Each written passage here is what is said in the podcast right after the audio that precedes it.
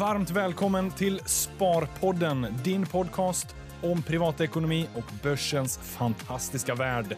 Varje onsdag ett nytt avsnitt. Häng med, för nu kör vi igång. Jag säger välkomna till Sparpodden ny vecka. Denna gång blir det fullt fokus på bostad, boendeekonomi, vi ska prata lite räntor och eh, massa andra bostadsfrågor som jag kommer ställa till dig, Claudia eh, Börman, eh, boendeekonom på SBAB. Välkommen! Tack så mycket! Roligt att vara med. Ja, och som sagt, boende känns som ett ämne som ligger dig ganska varmt om hjärtat. Ja, det blev så. Jag har jobbat med boende och bostadsfrågor i hela mitt vuxna yrkesliv kan man säga. Om inte eh, skibam i Chamonix och sånt där räknas har faktiskt varit i mitt, i, i mitt vuxna liv. Eh, jag började på Mäklarsamfundet och hade då mäklarperspektivet. Eh, sen jobbade jag lite grann med nyproduktion och nu är jag på SBAB sedan fem år tillbaka. Aha. Och det är världens roligaste bransch. Och, och du, du, sa att det blev lite så av en slump, eller eh, liksom, blev det lite bananskalet in, eller vad var tanken? Ja, alltså, om, jag, om jag går tillbaka så kan jag alltid säga att jag har varit intresserad av boende och bostäder. Sen har jag då plugg, pluggade jag ganska sent eh, i livet och såg ett jobb som låg ganska nära hemmet. Så enkelt var det. Ja. så sökte jag det och det var Mäklarsamfundet och sen kom jag på att det här är ju jätteroligt. Eh, och jag är då inte, jag heter ju boendeekonom men jag är ju alltså samhällsvetare så jag tror att jag kanske angriper eh, bostadsfrågan på lite annorlunda sätt än en traditionell ekonom. Ja. Nej, och, och jag menar, du och din kollega Robert eh, på SBAB, ni, ni är ju båda, syns ganska mycket utåt och utbildar och diskuterar boendefrågor. Och lite ja. kanske ur olika perspektiv. Um, ja, det stämmer. Robert hade jag ju faktiskt med här i podden för något år sedan. Typ ja. förra året tror jag. Eh, väldigt kul. Men Claudia, eh, här, jag tänker vi, vi, vi, kan börja lite med bostadsmarknaden. För många Sparpodden-lyssnarna följer börser och, och, aktier och allt sånt. Och än så länge, eh, 2020 har varit ett ganska dramatiskt år. Vi såg både ett, mm. en börskrasch och en rusning, en återhämtning. Mm. Och nu spelar vi ju in det här den 26 eh, juni men det kommer ju gå ut för er lyssnare lite senare så att eh, vi får se liksom statistiken hur det utvecklar sig. Men visst har det inte varit lika dramatiskt på bostadsmarknaden och kanske lite förvånande lugnt trots alla omständigheter, eller vad säger du? Ja, om man tittar på de senaste siffrorna så har eh, bostadsrätterna backat med ungefär 2 och eh, den senaste månaden. Då, och villorna har stått emot lite bättre. Jag tror att de har gått upp kanske runt 1% ehm, Senaste sen, månaden eller sen årsskiftet? Nej, senaste månaden. Ja. Sen på, års, på årsskiftet så ja, då är det fortfarande plussiffror. Men det är framförallt eh, bostadsrättsmarknaden som har påverkats mer än villamarknaden. Och där tror jag att man kan prata om ett ett större utbud än efterfrågan. Eh, men det har, du har rätt i det Alexandra, att det, är liksom, det har förvånat oss ganska mycket, i alla fall mig. Jag trodde att kanske bostadsmarknaden skulle svara lite snabbare för att i tider av osäkerhet och oro så, så blir det ju så att det blir påverkan oftast på bostadsmarknaden också. Min teori nu det är att Givet att du, säg att du är i en situation där du blir av med jobbet, permitteringen går verkligen till att du blir arbetslös. Då har du möjlighet till amorteringslättnader. Vi har ett socialt system som gör att du kanske har gått med i a-kassan och du har eh, kanske en sån här eh, löneförsäkring, en inkomstförsäkring. Det är ganska vanligt att man har. Du kan klara dig igenom den här krisen. Och vad jag tror som händer nu, det är att de som är påverkade, de gör ingenting. Så vad vi, facit blir de som är ganska safe. Det är de som är ute som eh, har gjort en vinst i sin tidigare bostadskarriär. Eh, de har kommit kanske lite längre i sitt yrkesliv, är inte i de branscherna när man är så påverkad. Det är ganska safe. Så att det är gott självförtroende där ute och det är de som är ute och agerar. Ibland får media redan nu, och allmänhet också skulle jag säga, uppfattningen att anledningen till att eh, utbudet på bostadsrättsmarknaden är så högt är för att människor tvingas sälja i panik. Att de inte har råd att bo kvar. Och den procent procentsatsen är nog ganska låg idag. Jag tror inte Ja. det är därför människor säljer. Sen kan det ju också psykologiska effekter som till exempel att det vi pratar om nu och det som statistiken hittills har visat att man, man har självförtroendet att testa. Man testar att lägga ut sin bostad. Och villaägarna vill bo kvar. De gör ingenting. Men, men du säger att det är ett eh, ganska stort utbud. Är det ändå mer aktivitet, eh, liksom, är det många fler som gör boendeaffärer än vad det annars brukar vara vid den här tiden? Eller är det bara att det är ganska högt utbud? Många som lägger ut och som Just på, bos, testar? på, bostadsrätt, ja, på bostadsrättssidan är det väldigt högt eh, utbud. Jag skulle inte säga att det är all time high. Det har ju varit uppe på de här nivåerna tidigare. Men, eh, så egentligen är det mer aktivitet på både fritidshus och villasidan. Eh, och jag skulle säga så här om hela bostadsmarknaden, men kanske framförallt bostadsrättsmarknaden, att det är stor skillnad mellan bra och sämre bostadsrätter. Och vad jag menar med det är att de bostadsrätter som har det här lilla extra och som ligger i ett prisintervall som många kan efterfråga, men de kanske ligger högst upp i huset, de kommer sällan till salu, de kanske är helrenoverade eller har någonting extra. De är lättare att sälja Mm. än eh, de som, är, som liknar många andra bostäder och som inte har någonting som sticker ut. De blir Ja. lite trögare. Så att, ja, det blir lite tre, trögare försäljning. Därför hinner det bli ett större bestånd som ligger ute. Mm. Ja. Men det får man ändå då säga att eh, till våra politiker och centralbanker och liknande, all, alla de åtgärder man har gjort måste ju ändå då ha lugnat ur ett både psykologiskt och ekonomiskt perspektiv. Att inte så många sålde i panik. Eh, För, det fick man ju lite känsla där efter mars att jag, fick, jag märkte bara i huset eh, där jag bor att nu började det dyka upp lite fler annonser på dörren. Folk som ville sälja. Mm. så, så man fick nog lite känslan att många trodde att det skulle bli mycket värre och kanske skyndade sig för att testa. Vad får jag för lägenheter nu? Kan det vara värt att göra en affär? Ehm, men, men sen har det liksom lugnat sig. Ja. Och sen blir det ju också en sån här, jag menar visst, skulle priserna gå ner, det vet vi ingenting om. Eh, de allra flesta säljer ju bostad eller byter boende när någonting händer inom familjen. Alltså att man kanske, och då inkluderar det att man får jobb någon annanstans, man börjar plugga och privatlivet förändras. Så det är då man byter bostad. Så att jag tror att aktiviteten kommer att vara ganska så hög. Jag tror att vi kommer att se en annorlunda sommar. För att man kan i stort sett sätta så här vecka 28-29, då bara dyker det. Sen kanske fritidshusen håller uppe och några bostadsmarknader som ligger i sommarregioner. Men annars så dyker bostadsmarknaden och det bara händer ingenting. Så tror jag inte att det blir i år. Jag tror att det kommer att tuffa på. Fritidshus eh, säger du lite. Visst har det varit väldigt hög aktivitet just vad gäller fritidshus? Ja. Och det är helt kopplat, det skulle jag säga är kopplat till corona. På vilket sätt? Eh, att man, man inser att nej, men det blev ingen sommarsemester utomlands. Det finns ju de som faktiskt åker utomlands till samma ort samma år eh, varje vecka. Men det, det finns också de som aldrig absolut vill vara i Sverige. Eh, och nu inser man att nej, men alltså, vi kommer ingenstans. Eh, för en sak är ju hur man själv vill, men sen är det ju att andra länder ska ta emot den också. Mm. Och jag tror att det här att känna en viss osäkerhet, ja, men det är ändå en pandemi, vi talar om ett virus, hamnar på sjukhus i ett annat land och man känner sig osäker på språket och deras sjukvård. Ja, det gör nog att man liksom man tänker sig att, jag, att vara hemma och då blir väl fritidshuset ett, ett bra alternativ. Eh, och vi har ju en fantastisk flora av eh, fritidshus om man jämför med många andra länder. Vi har ju allt från det lilla skjulet i den myggiga dungen till huset som du inte kan liksom avgöra om det är permanent eller Ja. fritidshusstandard. Liksom. Men, men eh, har, har det liksom, eh, märker man regionsmässigt att det är någon skillnad eller är det över hela landet eh, att man eftertraktar fritidshus? Eller har, har du någon känsla för det? Ja, men min uppfattning är att om man säger hela Sverige, ja, men kanske lite ökat från, alltså från storstadsregionerna och två timmar bort med bil. Då. Ja. Eh, Så jag kan tänka mig alltså Örebro, Västmanland, Sörmland, Uppland, från Stockholm då. Ehm, För att vi har ju också en...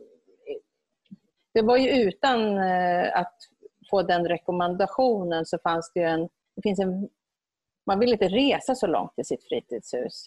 Två timmar är, det är rätt okej. Enkel resa. Men sen kan det också vara de som, jag tror att mäklare pratar om att kundgruppen har lite förändrats. Eh, och den har blivit lite yngre och då tror jag att det är människor som är jättenöjda med att bo i sin bostadsrätt, i sin lägenhet. De vill absolut inte ha en villa, men har i coronatider insett att det är rätt jobbigt att bo i lägenhet med kanske tre små barn och båda jobbar hemma. Att man vill ha någonstans ett andningshål. Mm. Så att, eh, då blir fritidshuset ett eh, alternativ. Finns det några smarta tips där kring hur man ska tänka eh, liksom prismässigt? Eh, ju, ju finare områden, ju närmare stan, generellt sett dyrare ju. Ehm, kan man märka sådär när vi kommer ut på en och en halv, två timmars transporttid bort? Blir det en, en större prisförändring eller hur ska man tänka nu om man går lite i, i tankarna på att köpa något fritidshus? Ja, dels kan du ju, du kan ju göra precis den geografiska indelningen. Men sen är det ju alltid så här, ju närmare sjö eller hav, desto dyrare. Det är, någonting, det är någon jättedragningskraft där vi har till vattnet. Eh, sen om du kan tänka dig, ibland så brukar jag höra, jag har också vänner och bekanta så som förförs av att åka och titta på ett fritidshus och tänker men gud, jag kan ju egentligen, det här kan jag ju fixa. Men du är ju inte händig. Hur ska du fixa det? Varför ska du bara för att du köper ett fritidshus? Det blir lite lockande med det här huset som kostar 375 000.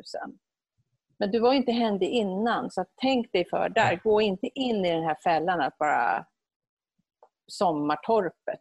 De har ju en hel stab, de här, det här tv-programmet. De har ju en hel stab bakom Ja. sig. Så det, det ska man ju fundera på. Så jag brukar tänka att lägg på x antal hundratusen så har du ett fritidshus som du slipper ha som ett ok. Um, för även om du inte gör det själv så ska du ju orkestrera en eh, renovering på distans om du inte åker dit och har, hand, har, har kontakt med ett hantverkare. Det gör ju också att du kan eh, kanske flytta in direkt. Och ett bättre underhållet fritidshus gör ju också att du kan förlänga säsongen. Så att jag tycker att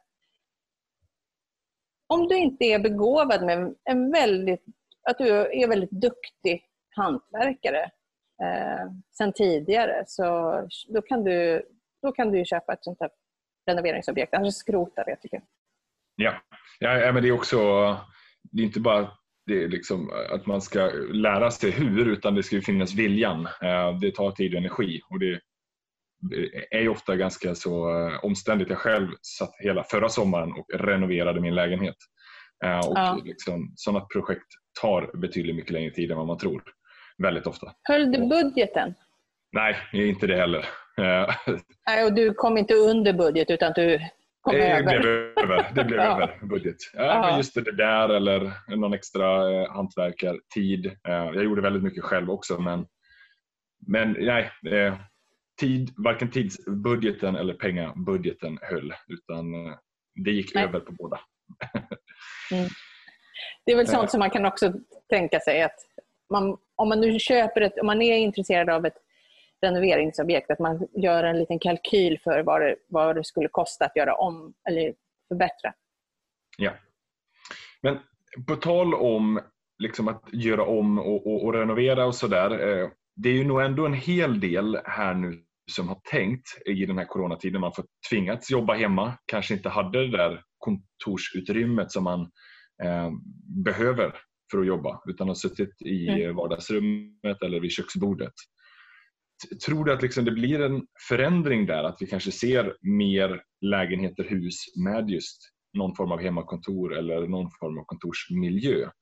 Eller är det där bara någon temporär och alla längtar tillbaka till kontorsjobbet eh, igen?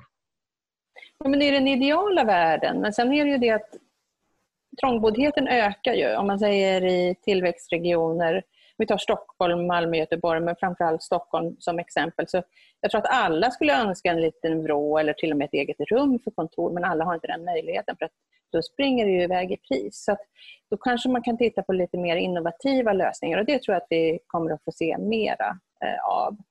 Eh, för att jag tror att eh, den här coronaperioden och det här att vi har tvingats bo hemma, det är ju eller jobba hemma, bo hemma. bo hemma. Alltså, Gud, hur ska det kännas att bo hemma nu? Ja. Nej, men att jobba Jobbigt. hemma, det blir... Ja. Det, är, det är lite... Nej, men jobba hemma, det, det ställer lite andra krav. Ja. Eh, och jag tror att många har nog förvånats över att det faktiskt funkar så pass bra som det gör. Exakt. Och jag, jag blir ändå lite sådär fundersam och tänker, eh, ja men det funkar ju, digitaliseringen. Det skulle ju kunna vara så att man inte Du menar behöver att jobba nu och inte bo hemma? Nej, exakt. Och jobba hemma. Ehm, och, och- jag menar, man kan ju kanske inte behöva bo så nära då, om man nu ändå inte kommer behöva åka till jobbet. Eh, så. Så att, vad tror du? Tror du att fler kommer att söka sig utåt? eh, bara för att få den där extra ytan? Eller är det ändå en extremt eh, attraktiv drivkraft att liksom komma inåt mot centrala stadskärnor? Eller? Nej, men det har ju varit det stora problemet. Människor som, som verkligen vill flytta utom, liksom utanför stadsgränsen, eller om ska säga, till, ett, till en mindre kommun. Då har ju det varit, ja, men vad ska jag jobba med? För jag menar, om man tar barnfamiljerna som SCB, Statistiska centralbyrån, sa för några år sedan, för något år sedan tror jag, att nu börjar de, det är flera som flyttar ifrån storstadsregionerna och ut. Ja, det är inte så konstigt. För om man tar en, en barnfamiljs eh, preferenser så handlar det om att jag ska bo här, jag ska ha dagiset om, inom räckhåll, jag ska kunna ta mig till jobbet, skola, fritidsaktiviteter, grannar, service, alltihopa. Som en liten fyrkant. Och det enda du gör när du bor i Stockholm, du nyttjar ju inte om du har många barn eller om du har, lever i barnfamiljsträsket eller vad man ska säga. Du nyttjar ju inte det.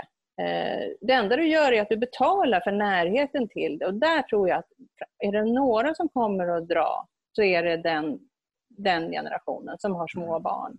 Så tar man det här och så lever man ett litet liv någon annanstans. Säljer lägenheten och får pengar över om man köper en villa någonstans. Men då tror jag inte att det är människor som bara plötsligt känner att Nej, men nu flyttar jag från Vasastan till Jo. Utan då är det ju människor som kommer någonstans ifrån, som flyttar tillbaka. Man har någon Ja. form av anknytning. Så det tror jag absolut. Om Ja. du fortfarande kan ha kvar ditt jobb. Du är verkligen inne på någonting där att och för en barnfamilj så finns ju den där viljan att kunna ha lite mer utrymme och, och liksom möjlighet att kanske kunna ha en trädgård och så vidare. Men det känns som att Exakt. ehm, efter, eh, i en värld efter coronapandemin så kommer man nog ändå vilja bo centralt generellt sett. Ehm, Mm. även, även om man jobbar distans eller jobbar centralt också. Eh, Min känsla är ju att eh, det är sällan vi får liksom sådana här kraftigt förändrade beteenden utan det är kanske på marginalen. Men, men man vet ju Mm. aldrig. Vad, vad, vad tänker du? Liksom? Är det, tror du inte att det, många av de här stora trenderna som vi ändå har, att vi, vi bor i, i storstad, kommer att fortsätta? Eller blir det början på någon större förändring? Ja, men det kan nog bli en, en, jag tror i alla fall det, beroende på tre faktorer. Den första som, som har gett oss insikten att stora folksamlingar och att träffa många människor innebär en fara. Alltså det blir ju en aha-upplevelse i, i en storstadsmiljö. Eh, om jag tar mig till jobbet i Stockholm så har jag ju på loppet av 20 minuter träffat det antal som 50 personer som är, förvisso ska det vara en folksamling, men man träffar ju väldigt många fler människor.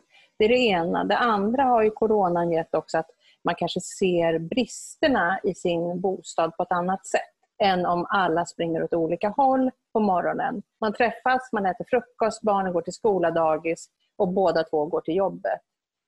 Det gör ju att man kanske ser lite begränsningar i det. Och sen så tror jag den här fundamentala viljan att andas frisk luft.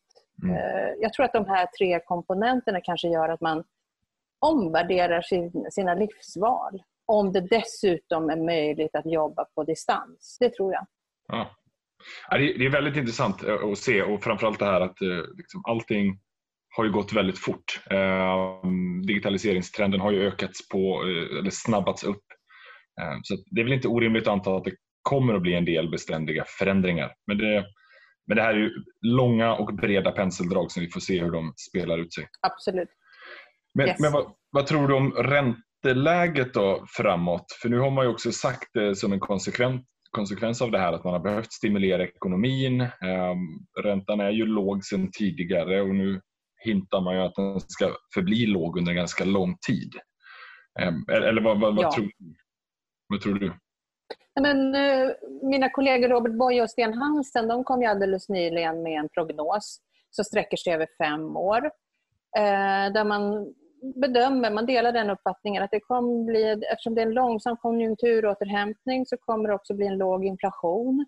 Eh, och även om coronapandemin sträcker sig längre så har vi, och det kanske leder till en större finansiell instabilitet och därmed också högre riskpremier så visar ju Finansinspektionens stresstester att eh, Sveriges låga statsskuld och bankernas kapacitet talar för en fortsatt låg ränta. Så Ja. det, är, det är ju ganska skönt att vila sig emot i det här läget. Eh, Ja, så att som boende eh, som, som äger bostad och har ett bolån så är det nog att förvänta sig relativt låga eh, ett tag till. då, Så kanske inte lägligt att binda ännu. Eller vad, vad är, hur, hur tänker du ofta kring att binda eller ha rörligt? Men Jag tänker så här att det finns ju vissa människor som är av naturen osäkra och som inte alls vill engagera sig i hur räntan utvecklas. Man vill veta exakt. Och ja, det är skillnad, eh, en liten, liten, liten skillnad mellan eh, om man säger femårsräntan och, och tre månaders idag. Men eh, givet också att man är en orolig person också att man vet hur länge man tror sig bo kvar kunna bo kvar i sin bostad eller vilja bo kvar. Så finns det faktiskt de som binder. Men vi ser ju våran, våra siffror att alltså, 75, runt 75 procent väljer kortast möjliga bindningstid. Ja. Det jag ska vilja poängtera eller vilja titta lite vidare på är att de som nu i en, i liksom en bostadsaffär, hur, hur gör man när man ska binda om? Om det är de som har bundit ett tag och sen hur, hur väljer man då? Den är ju rätt intressant också. Mm. Jag tror att det finns i de här situationerna, det är må- många beslut att fatta när man ska eh, flytta, köpa Ja. bostad. Säg att man är förstagångsköpare och, ska, och hur ska jag göra med räntan nu? Nej, men, nej, men jag ligger kvar med rörligt och sen så, så tar jag det senare. Eh, Så kan det säkert vara. Men det finns ju alltid de som eh, safety first, de vill veta. Ja. Och sen historiskt har ju räntan nu under en väldigt lång tid bara blivit lägre och lägre. Så det har ju Ja. också funnits den här, nu, nu känns det som en allmän eh, eller vedertagen grej som man ofta tänker att ja, men, ha rörligt för den är bäst för dig. Ja. Det, det är väldigt många som bara tänker och resonerar så. Exakt. Också. Ja. Men nu har vi också i det här läget sett eh, ett amorteringskrav som har ju temporärt Mm. slopats. Ehm, Ja. Eller åtminstone man har haft möjligheten att ansöka om att eh, få amorteringsunderlättnad. Ja. Vad, vad, vad tror du där? Är det många som har nyttjat det? Eh, eller vad, vad är din allmänna uppfattning?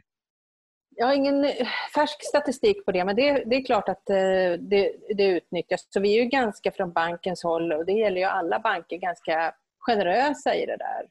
Ehm, och min förhoppning är ju att man, är det så att man väljer att ha en amorteringsfrihet ett tag, att man kanske satsar på att bygga upp en buffert. Hur man sen bygger upp bufferten, det kan ju ni bättre.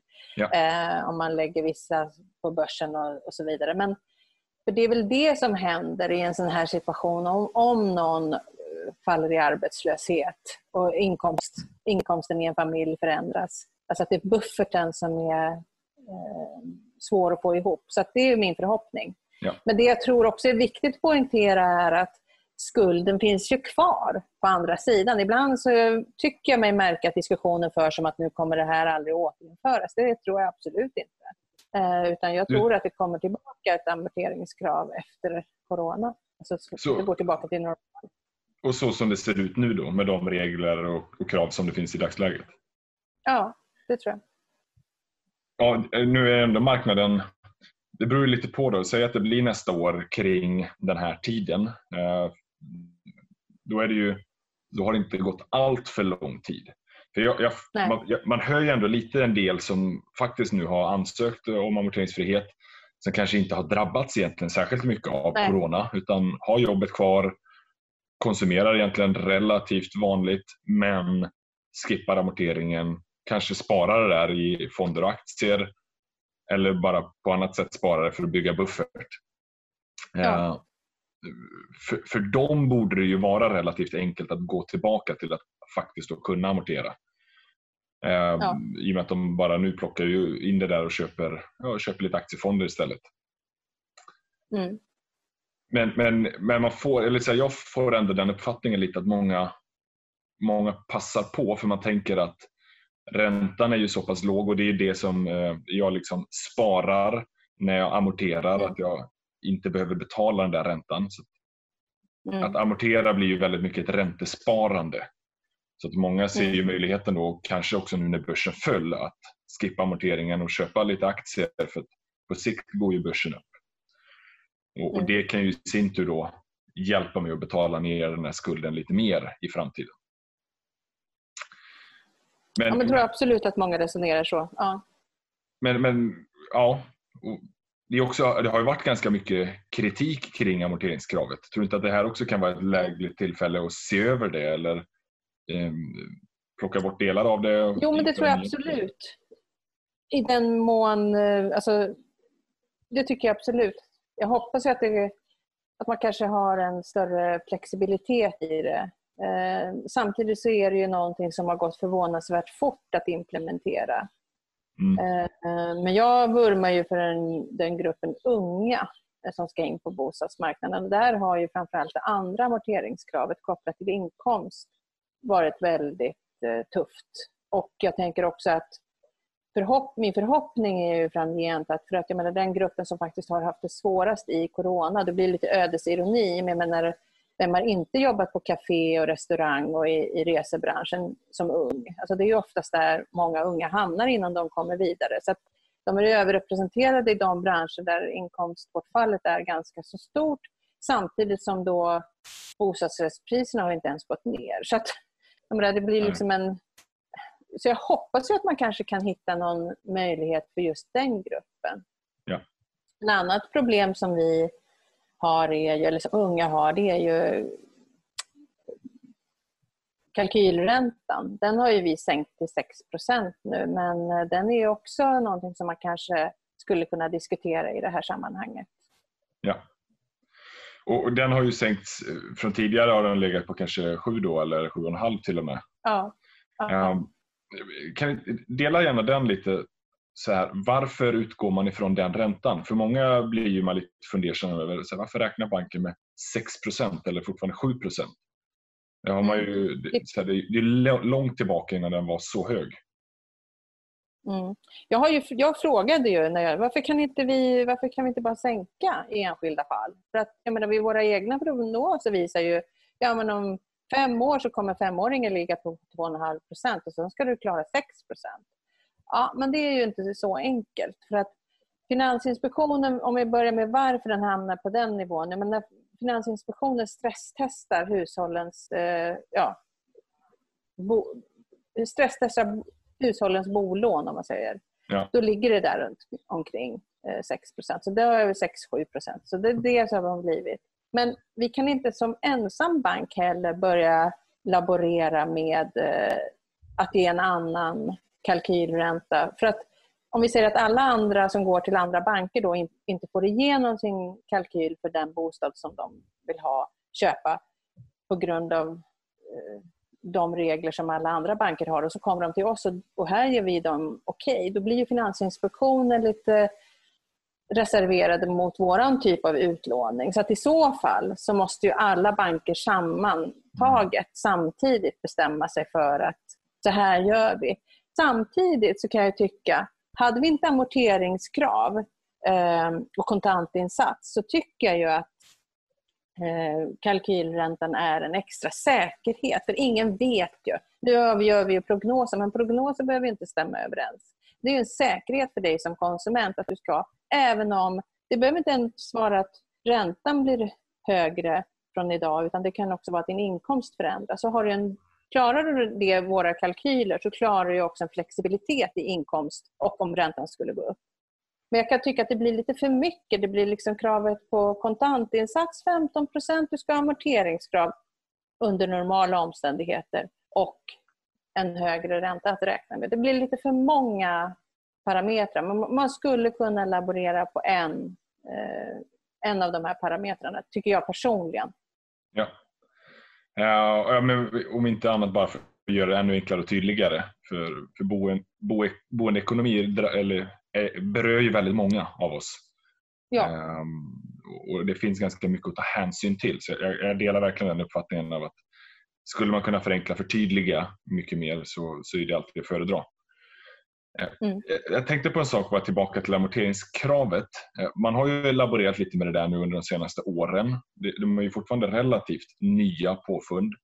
Att det är liksom kravställt från Finansinspektionen på amortering. Man har ju amorterat i alla tider, eh, men det har ju legat mycket mm. mer i bankens händer än, än i liksom ja. vad Finansinspektionen har rekommenderat. Vad, vad är din uppfattning? Har vi börjat amortera mer eh, som en konsekvens av det här eller var bankerna rätt duktiga på att se till att man amorterade innan? Eller, eller har vi nu... Ja, alltså mellanskillnaden är inte så stor. Alltså det fanns ju ett krav innan. Det är bara det att det är, det är mer kantigt nu. Det är mer ja. hårt. Så att, sen kan jag ju tycka att att inte amortera, att inte betala tillbaka sin skuld, det är ett lite konstigt resonemang. Så att Sen kan man alltid diskutera om i vilken utsträckning och hur mycket och sådär. Och det här tycker jag också framförallt den här amorteringslättnaden som kom väldigt snabbt, den visar ju att det finns en flexibilitet från politiskt håll att införa den här typen av åtgärder. Så jag tycker det var väldigt, eh, jag blev imponerad av snabb, att de var så snabbfotade. För att räntan är ju inte den stora kostnaden för de allra flesta, eh, utan det är ju amorteringen. Ja. Det är där man kan eh, sätta in för att underlätta för människor just nu. Då. Ja. ja, den är ingen kostnad men det är en utgiften där ja, pengarna precis. försvinner ja. varje månad. Ja. Mm. Ja, det, är väldigt, det är väldigt sant. Och det är, eh, med det här med att man inte heller ska betala tillbaka sin skuld, det känns också som att det är eh, verkligen så många tänker idag. För skulder, ja. Det blir kanske en konsekvens av att bostadsmarknaden har gått upp så pass mycket under så lång tid att Mm. Väldigt många sitter med ganska stora bolån idag. Och Det blir nästan mm. svårt att bara tänka att det där går att betala av. Uh, och Sen är det ju även tänkt att det ska betalas över en så pass lång tid. För, för det är ändå så när, man, när man pratar med äldre generationen, när jag pratar med liksom farmor och farfar och sånt. För dem var det otroligt viktigt att betala av skulden. Um, ja. och, och, Det var liksom ett, en, en händelse för farfar när han gick där och betalade sista, sista amorteringen mm. och sen var skuldfri. Mm. Så, det, det är ju inte... farfars tid. Ja, verkligen. Det är rimligt. Alltså det, är, ja. Nej, men det, det, är ändå intressant liksom, att vi har ändrat mindset så pass mycket. Mm. Men jag kan ju också säga så här. Ibland så förs diskussionen att nej, men de dumma bankerna, så är det ju faktiskt det gick inte, jag fick inte igenom mitt lån. Nej, men då är det väl någonting du måste ändra på. Då måste du ändra din inkomst eller titta på ett annat bo, en annan bostad. Det blir också någonting som att ett allmänt eh, krav på något sätt att jag hittar en drömbostad och jag ska ha det här lånet. Men vi tittar ju på din möjlighet att betala tillbaka och tittar för din egen skull på om någonting skulle hända. Till exempel i en coronaperiod nu. Eh, så det har också smugit sig in att någon, någon liten beteendeförändring, att det är en allmän rättighet att ha precis det lånet, den bostaden som, som jag har nämligen har hittat nu. Men får ja. du nej, ja, men då kanske du måste göra någonting åt det. Sen en annan sak som jag funderat på när vi ändå pratar om det här med amortering och den situation som råder nu. Att att man, vissa tror kanske att man flyttar nu för att eh, någonting har hänt som gör att man inte har råd att bo kvar. Ja, men var ska man ta vägen då? då? Om man bor i storstadsregion. Oftast är ju det ägda boendet absolut billigast. Ja, då ska du ta nya lån. Eh, och komma in på en annan inkomst om du är två i en familj och en har bara en inkomst. Alltså jag tror att det är nog ganska viktigt att poängtera att de som är ute nu och byter bostad, de har sin inkomst säkrad. Ja. Om vi tar storstad, eh, landsort, ja då kan du kanske få en hyresrätt. Men jag förstår inte riktigt annars hur du ska komma billigare undan. Nej, det är väldigt eh, sant förmodligen. Att du måste ju hela, tiden ha någonstans att bo. Um, mm. och, och, den du har skaffat idag, om du nu äger, det, det, är samma, jag har märkt en del som har kanske en negativ syn på priset. Alltså man tycker att nu har bostadsmarknaden bara gått upp sedan 90-talet. Någon gång måste mm. det falla. Och så tänker man att man ska sälja sin bostad och skaffa en hyresrätt. Men det är ju väldigt få som faktiskt realiserar det där. Att, att faktiskt ja. ta det där steget och sälja och skaffa en hyresrätt. För, för i praktiken är det lite svårt. Men det kanske är få förunnat, men det finns ju de som har som kanske har kommit ganska långt i sitt flyttbeslut och som har stått ganska lång tid i kö till exempel eller som har ett andra boende, som har en frit ett fritidshus till exempel med schysst standard. Jag tror att den här situationen kanske har, kommer att öka på dem som har ändå tänkt göra, ta det beslutet. men det talar ju emot att det blir de unga då, som är mest påverkade. För att de har inte tillräckligt med kötid och de har inget fritidshus som de kan flytta till. Nej. Nej, nej, alltid intressant att bara höra lite tankar och, och resonemang kring det. det när, om du liksom lyfter blicken och, och, kollar ut över resten av 2020 och kanske liksom en liten bit in i det här decenniet. Har du någon uppfattning, tanke kring bostadsmarknaden?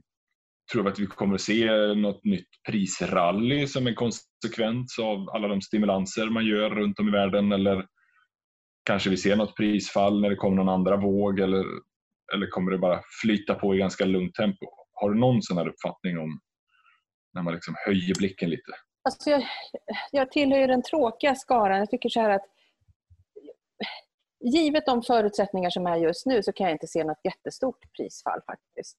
Eh, för att det finns ju åtgärder och människor står inte helt utan eh, inkomst eller vad man ska säga, a-kassa eller vad det nu är. Men eh, jag tycker att det är väldigt eh, riskfyllt att göra prognoser. För att jag kan ta ett exempel. Eh, det gör mig kanske lite som en lite tråkigare expert. Men jag kan ta ett exempel som 2010, då var jag ju i den här branschen och eh, vi pratade om kravet på kontantinsats som då skulle införas i oktober. Jag tänkte, de unga har ju jättesvårt att få ihop till den här kontantinsatsen. Det blir svårt att få iväg eh, små lägenheter. Satte likhetstecken, med, likhetstecken mellan kravet på kontantinsats och prisstagnation på små bostadsrätter. Det blev precis tvärtom. För de som inte hade råd att finansiera med kontantinsats en två eller en trea, de tvingades då köpa en etta. Så det finns ju mänskliga perspektiv i allt det här också. Men jag kan eh, också tänka mig att jag skrev en blogg för ett tag sedan om det här med att göra prognoser så att jag får väl liksom stå vid min läst lite grann. För att jag tycker att det är extremt svårt. Eh, så jag passar lite på den eh, frågan faktiskt. Eh, men däremot som utifrån ett konsumentperspektiv då är ju att noga hålla koll på marknaden och alltid lägga sig under lånelöftet. Då har du en egen buffert i det. Om vi på banken, givet alla de här kontantinsats, amorteringskrav och kalkylränta säger att du kan låna 3 miljoner. Om du lägger dig då på 2,7 så har du redan in, byggt in en krockkudde. Så att, eh, men om vi ska göra någon form av prognos för 2020 och resten av, eh, av om framtiden framöver så tror jag att vi kommer att få se en större utflyttning från storstadsregioner. Eh, jag tror att bostadsrättsmarknaden kommer att ha det lite tuffare än villamarknaden. Jag tror fritidshusmarknaden kommer fortsatt att eh, gå bra. Eh, jag tror att skillnaden mellan bra och sämre bostäder kommer att bli större. Eh, och det kommer ge effekter både på pris och på eh, hela försäljningsprocess. Mm. Sen är det intressant att se hur nyproduktionen kommer att akklimatisera sig i det här för att den har ju haft det jättetufft. Och det är ett bra tillskott och bra komplement. Men jag hoppas ju också att vi kommer att se lite andra boendeformer. Eh, än hyresrätt, bostadsrätt och äganderätt. Och vilka alternativ skulle det vara, tycker du? Nej, men jag tänker på eh, att framöver kanske vi kan få se ett större inslag av ägarlägenheter. Det är helt enkelt eh, lägenheter som du äger. Det är ingen bostadsrättstyp, utan det är en, det är en ägarlägenhet som är väldigt vanligt i andra länder. Och det är väl eh, sån här 3D, 3D-grej, att du Tredimensionell fastighetsbildning. Så i praktiken, äg, för många när de tänker på sin lägenhet så tänker de att de äger den, men du äger ju bara ett, ett medlemskap mm. i föreningen. Men en ägarlägenhet, är ju, då äger du liksom väggar och tak och allting och ansvarar för ganska mycket mer. Ja.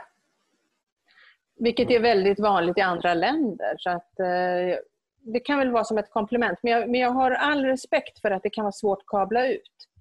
Eh, jag kan ju sitta som boendeekonom på SBAB och säga att men varför bygger ni inte det här och det här och det här? För det handlar ju om nyproduktion. Eh, och någonstans i det där så måste ju nyproduktionsbolaget eh, vara säkra på att det här tas väl, tas väl emot. Och det har inte riktigt eh, tagit sig. Det har inte riktigt liksom accepterats. Det har försökts. Det har ja, men... några försök. Och det är väl relativt nytt har jag för mig, att det här ägarlägenheter. Det är ju på 10-talet eller om det var 2009 som det infördes eller mm. möjliggjordes Exakt. i Sverige. Ja. Men, men sen tänker jag att det är liksom mycket av en kulturgrej att vi har haft bostadsrätt under en väldigt lång tid. Nere i Spanien mm. och Grekland och så vidare är ju ägarlägenheter mycket vanligare.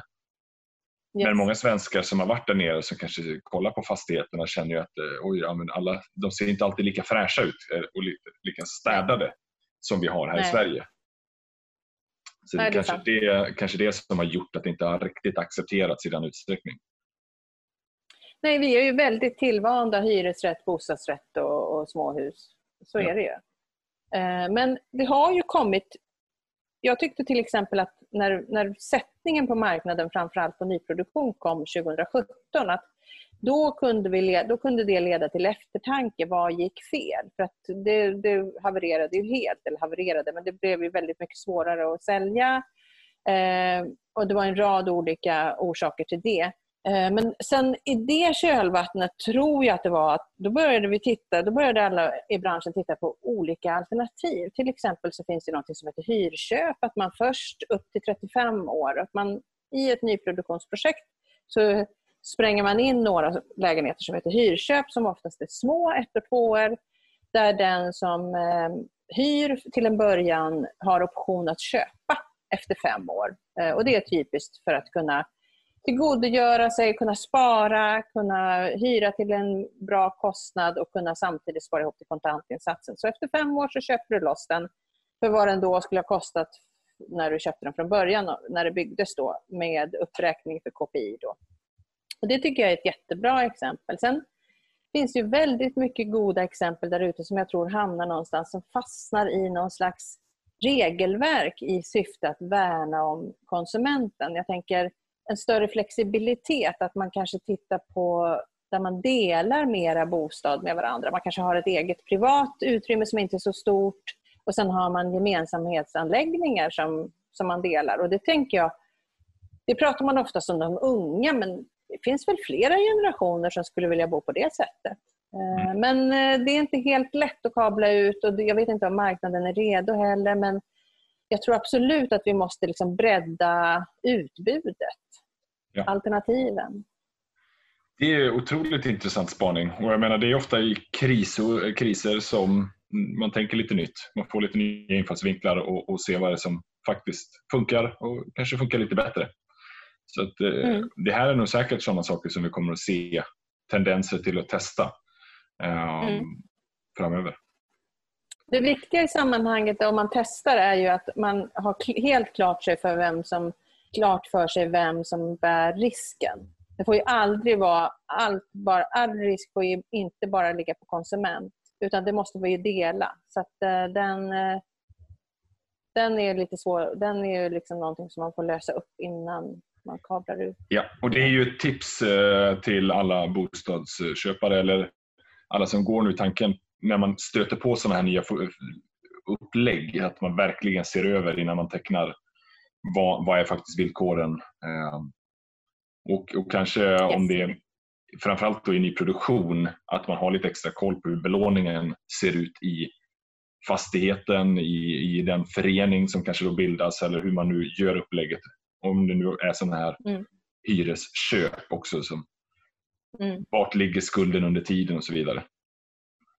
Mm. Uh, där kan jag tycka att det, det, är en reflektion och att man hänvisas ju, vi säger det från bran, bank, branschens håll att läs årsredovisningen och jag glömmer aldrig när jag ställde frågor till drygt tusen personer. Har du läst årsredovisningen? Jajamän. Förstod du vad du läste? 31 procent säger nej. Inte en aning om vad det var jag läste, men jag har läst den. Ja. Så att man kanske måste... Liksom, för Det är inte bara det att man ska läsa årsredovisningen för den som är novis i en stressig situation som aldrig har läst en årsredovisning förut. Det är skitsvårt rent ut sagt. Dessutom ska man ta den här årsredovisningen och jämföra med andra för att se vilken lägenhet som är bäst lämpad och som har bäst ekonomi. Så där finns det ju mycket att göra för att göra det mycket mer eh, lättöverskådligt. Ja. Sen eh, som tur är, många Sparpodden-lyssnare gillar ju att grotta ner sig i aktier och kanske läser lite årsredovisningar där. Um, ja, men det är väl en fördel. Det är det ju. Så att det, den eh, kunskapen kan man ta med sig in i sin boendeekonomi också. Men det, jag håller med. Uh, även för mig, jag, jag liksom läser ju väldigt mycket bolagsårsredovisningar också. De är ju generellt sett väldigt, eh, väldigt eh, mer utförliga än en vanlig förenings årsredovisning. Men det vill alltid till att man tänker lite bakom siffrorna. Vad är det som har gjort att förening om man tar föreningar till exempel, deras årsredovisningar, det är jättevanligt att många föreningar går med förlust. Mm.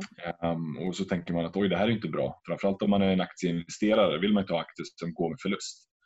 Men väldigt mycket är ju bara um, av, eller, vad ska jag säga, nedskrivning i, i en mm. bostadsrättsförening. Mm.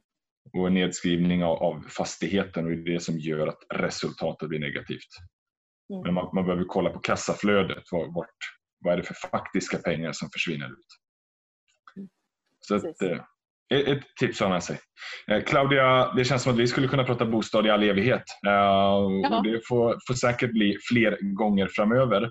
Men du, jag ska låta dig uh, fortsätta njuta av sommaren. Tack så jättemycket för att du var med och gästade Sparpodden.